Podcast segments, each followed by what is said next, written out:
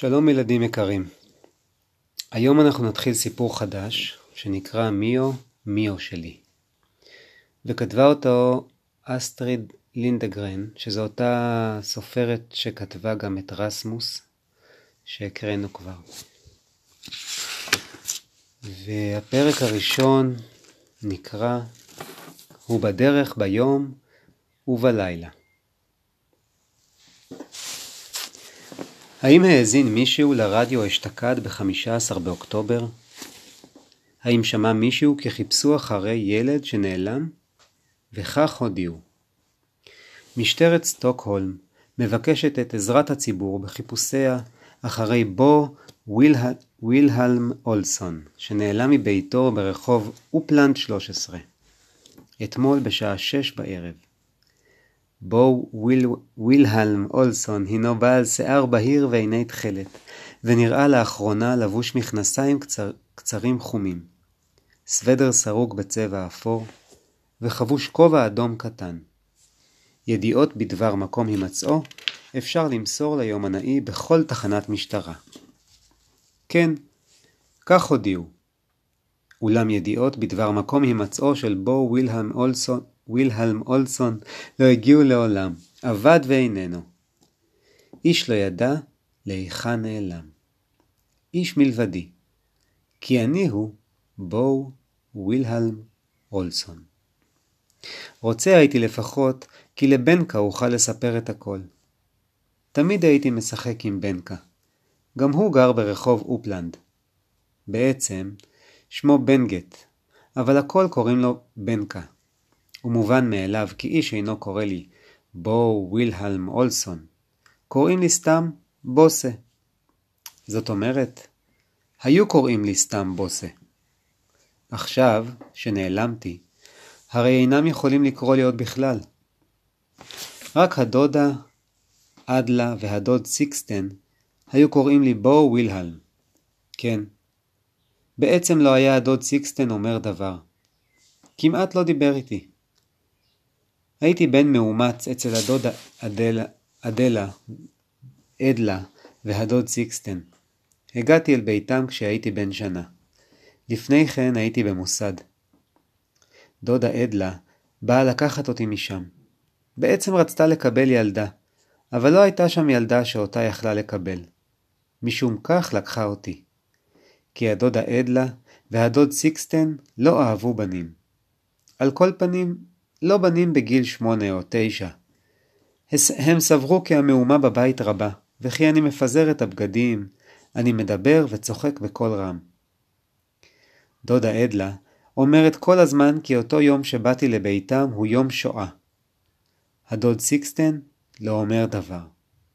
כן, לפעמים אומר הוא, היי, hey, אתה שם. הסתלק החוצה כדי שלא אראה את פרצופך. על פי הרוב, הייתי אצל בנקה.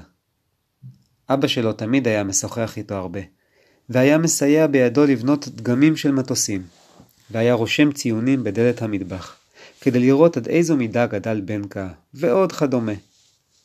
מותר לו לבנקה לצחוק ולדבר, לפזר את הבגדים ככל העולה על רוחו. אבא שלו אוהב אותו בכל זאת. וכל הילדים היו באים לביתו לשחק עמו. אליי לא הרשו לבוא, מפני שדודה, אדלה, הייתה אומרת כי, בבי, כי בבית זה אין מקום לכנופיות של ילדים, והדוד סיקסטן הסכים עמה. די לנו בפרא אדם בבית. די לנו בפרא אדם בבית, היה אומר. לפעמים, כשהייתי שוכב בלילה לישון, הייתי מאחל לעצמי כי אביו של בנקה יהיה גם אבי. או אז, הייתי מהרהר וחוזר, מיהו האבא האמיתי שלי? ומדוע אינני אצלו, ואצל אמי האמיתית, במקום להיות במוסד, ואצל דודה אדלה ודוד סיקסטן. דודה אדלה אמרה כי אמא שלי מתה שעה שילדה אותי. מי היה אבי? איש אינו יודע, אמרה. אבל לא קשה לתאר איזה מין בטלן היה זה, כך הייתה אומרת. שנאתי את דודה אדלה, על שהייתה מדברת כך על אבי. אולי זו אמת, כי אמי מתה בזמן הלידה. אבל ידוע ידעתי, כי אבי לא היה בכלל בטלן. לפעמים הייתי שוכב ובוכה מרוב געגועים אליו. היה מישהו שיחסו אליי היה טוב. וזו הייתה הדודה לנדין, מחנות הפירות. מדי פעם הייתה, מדי, מפעם לפעם הייתה מעניקה לי ממתקים ופירות. עכשיו, כשהכל חלף ועבר, אני מהרהר לפעמים מי בעצם הייתה הדודה לנדין, כי אצלה התחיל הכל באותו יום בחודש אוקטובר. באותו יום אמרה הדודה עדלה פעמים אחדות, כי זה אסון שבאתי לביתה. בדיוק לפני השעה שש בערב, ציוותה עלי לרוץ למאפייה שברחוב המלכה, ולקנות מין של צנימים שהיא מחבבת. חבשתי את כובעי האדום, ויצאתי לדרך.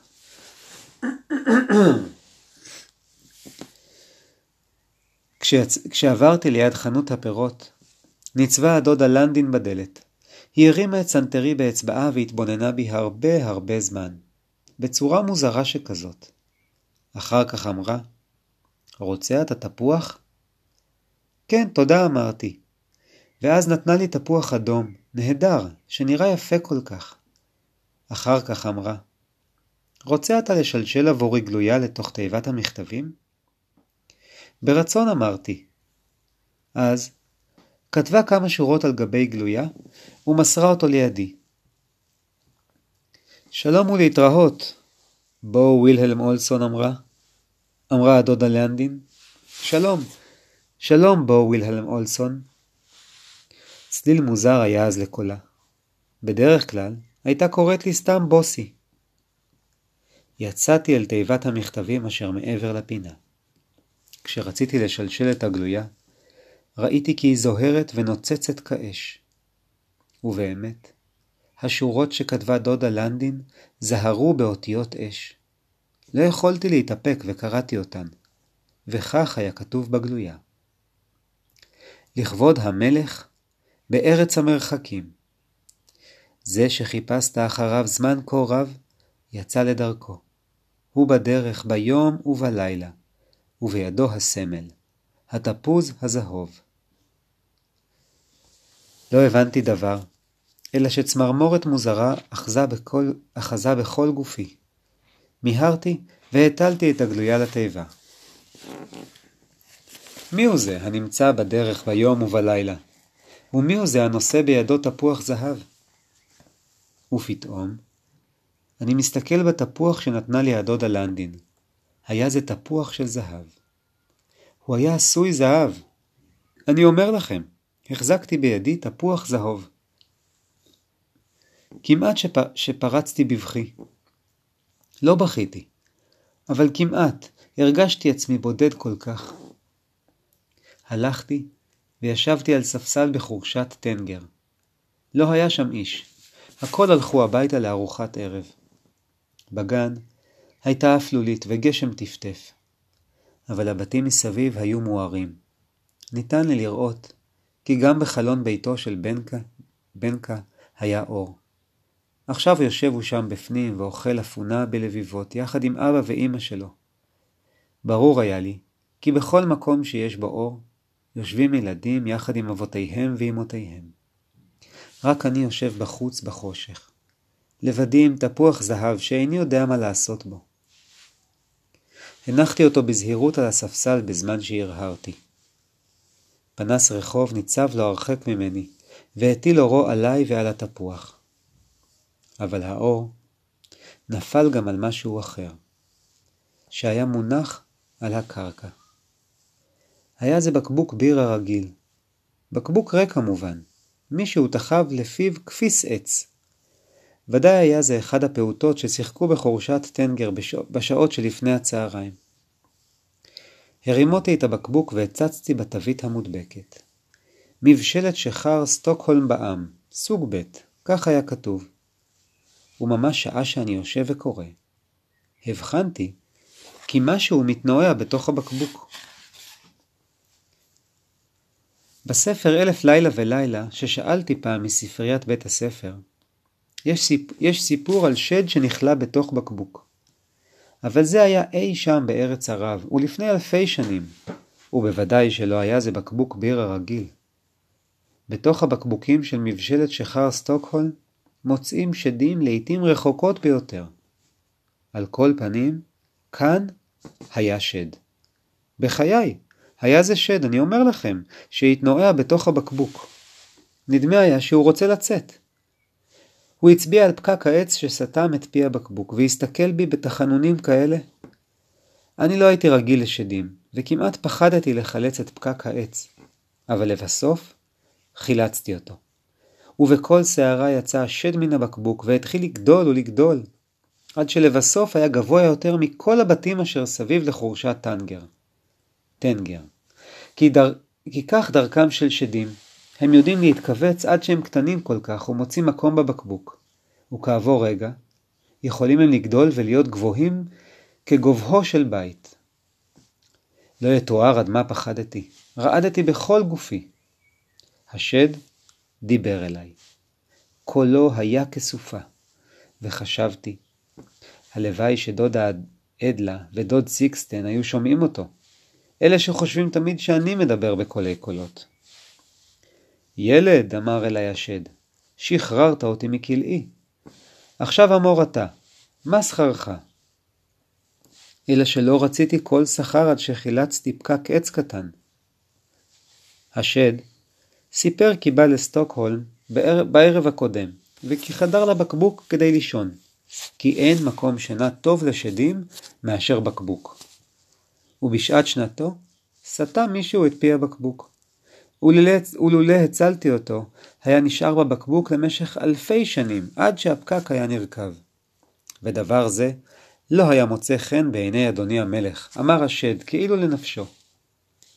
או אז עזרתי עוז ושאלתי, שד, מאין באת?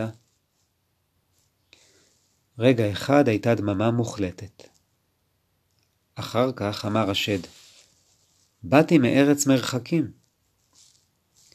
הוא אמר זאת בקול כה רם, עד שראשי המה וצלצל, ומשהו בקולו גרם כי אתגעגע לארץ זו. הרגשתי כי אין לי חיים אם לא אבוא שמה. הרימותי שתי זרועותיי אל השד וקראתי. קחני איתך, הו, קחני עמך לארץ מרחקים. יש שם מישהו הממתין לי. השד ניער את ראשו לשלילה, אבל אז הושטתי מולו את תפוח הזהב, והשד פרץ בקריאה רמה. אתה נושא בידך את הסמל, הרי אותך באתי להביא. אתה הוא זה אשר המלך חיפש אחריו זמן רב כל כך. הוא רחן אליי, והרימני על זרועותיו, והכל המה וצלצל סביב, עת עלינו לחלל. את חורשת טנגר השארנו הרחק תחתינו. את חורשת טנגר האפלה, ואת כל הבתים בהם נגע האור. ובהם ישבו ילדים ואכלו את ארוחת הערב יחד עם אבותיהם ואמותיהם, שעה שאני, בו וילהלם אולסון, עולה ומרחף בין הכוכבים. היינו הרחק מעל העננים. טסנו במהירות גדולה ממהירות הברק, ובקול סוער ורע מכל הרעם. כוכבים, ירחים ושמשות נוצצו, נוצצו סביבנו. לעתים היה הכל שחור כליל, ולעתים הבהיק הכל וזהר, עד שנאלצתי לעצום את עיניי. הוא בדרך ביום ובלילה, לחשתי לעצמי. כך היה כתוב בגלויה. והנה, הושיט השד את ידו והצביע אל משהו, הרחק הרחק, משהו ירוק, שהיה שרוע על מים צלולים כחלחלים לאור, לאור שמש בהיר. הרי לפניך ארץ מרחקים, אמר השד, וירדנו וקרבנו אל הירק. היה זה אי צף בים, ובאוויר היה תלוי ריח של אלף ורדים ושושנים, ונגינה פלאית שהייתה יפה מכל נגינה שבעולם. על החוף ניצב ארמון לבן גדול, ושם נחתנו. מישהו קרב ובא לאורך החוף. היה זה אבי המלך. הכרתיו מיד, מתוך מבט ראשון. ידעתי כי זה אבי. הוא פשט את זרועותיו, ואני קפצתי ישר על צווארו. הוא חיבק אותי הרבה הרבה זמן. לא דיברנו דבר באותו רגע. רק לפתתי בזרועותיי את צווארו, חזק חזק, כל כמה שיכולתי. או, כמה רוצה הייתי כי הדודה עדלה תוכל לראות את אבי המלך. כמה יפה הוא. וכמה נוצצים בגדיו מרוב זהב ואבני חן. פניו דמו לפני אבא של בנקה, אבל יפים יותר. כמה חבל שהדודה עדלה לא יכלה לראותו, כי עתה יכלה להיווכח שאבא שלי בכלל אינו איזה מין בטלן. אבל דודה עדלה צדקה בזה שאימא שלי מתה כשנולדתי, והטיפשים מן המוסד לא חשבו כלל שיש לספר לאבי המלך היכן אני. הוא חיפש אחריי תשע שנים ארוכות. כל כך שמחתי, שלבסוף הגעתי אליו והכל בסדר. עכשיו, אני מצוי פה מזה זמן רב, וכמה אני מיטיב לבלות כל הימים. כל ערב וערב בא אבי המלך לחדרי, ואנחנו בונים דגמים של מטוסים ומשוחחים.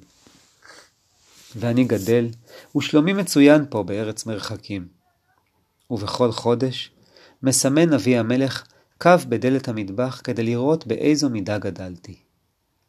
מיו, מיו שלי, הרי זה נורא כמה גדלת שוב, הוא אומר, בשעת, הוא אומר בשעת המדידה. מיו, מיו שלי, אומר הוא, ויש לזה צליל רך וחמים. התברר כי שמי בכלל לא בוסי. תשע שנים ארוכות ביקשתי אחריך, אומר אבי המלך. הייתי שוכב ער בלילות ומהרהר. מיו, מיו שלי. הלא צריך אני לדעת, זה שמך. אתם רואים? אפילו זה שקראו לי בוסי היה מוטעה. בדיוק ככל שאר הדברים בזמן שגרתי ברחוב אופלנד. עכשיו הכל בסדר. אני אוהב כל כך את אבי המלך, והוא כל כך אוהב אותי. הייתי רוצה שבנקה ידע על כל המתרחש פה. אני סבור שאכתוב אליו, ואכניס את המכתב לבקבוק. אסתום את פי הבקבוק בפקק, ואטיל אותו לים הכחול הסובב את ארץ מרח... המרחקים. אכן, בנקה יבוא יחד עם אביו ואמו לנווה הקיץ שלהם, בווקסהולם. יצופו לי הבקבוק בדיוק במקום שבו הם שוחים בים. זה יהיה טוב. כי יהיה זה באמת דבר נחמד, אם ידע בנקה את כל הדברים הנפלאים שקרו לי. ומלבד זאת, הוא יוכל לטלפן אל היומנאי של תחנת המשטרה ולספר לו כי בו וילהלם אולסון, אשר שמו בעצם מיו, נמצא בידיים טובות בארץ המרחקים. וכל כך טוב לו, אצל אביו המלך.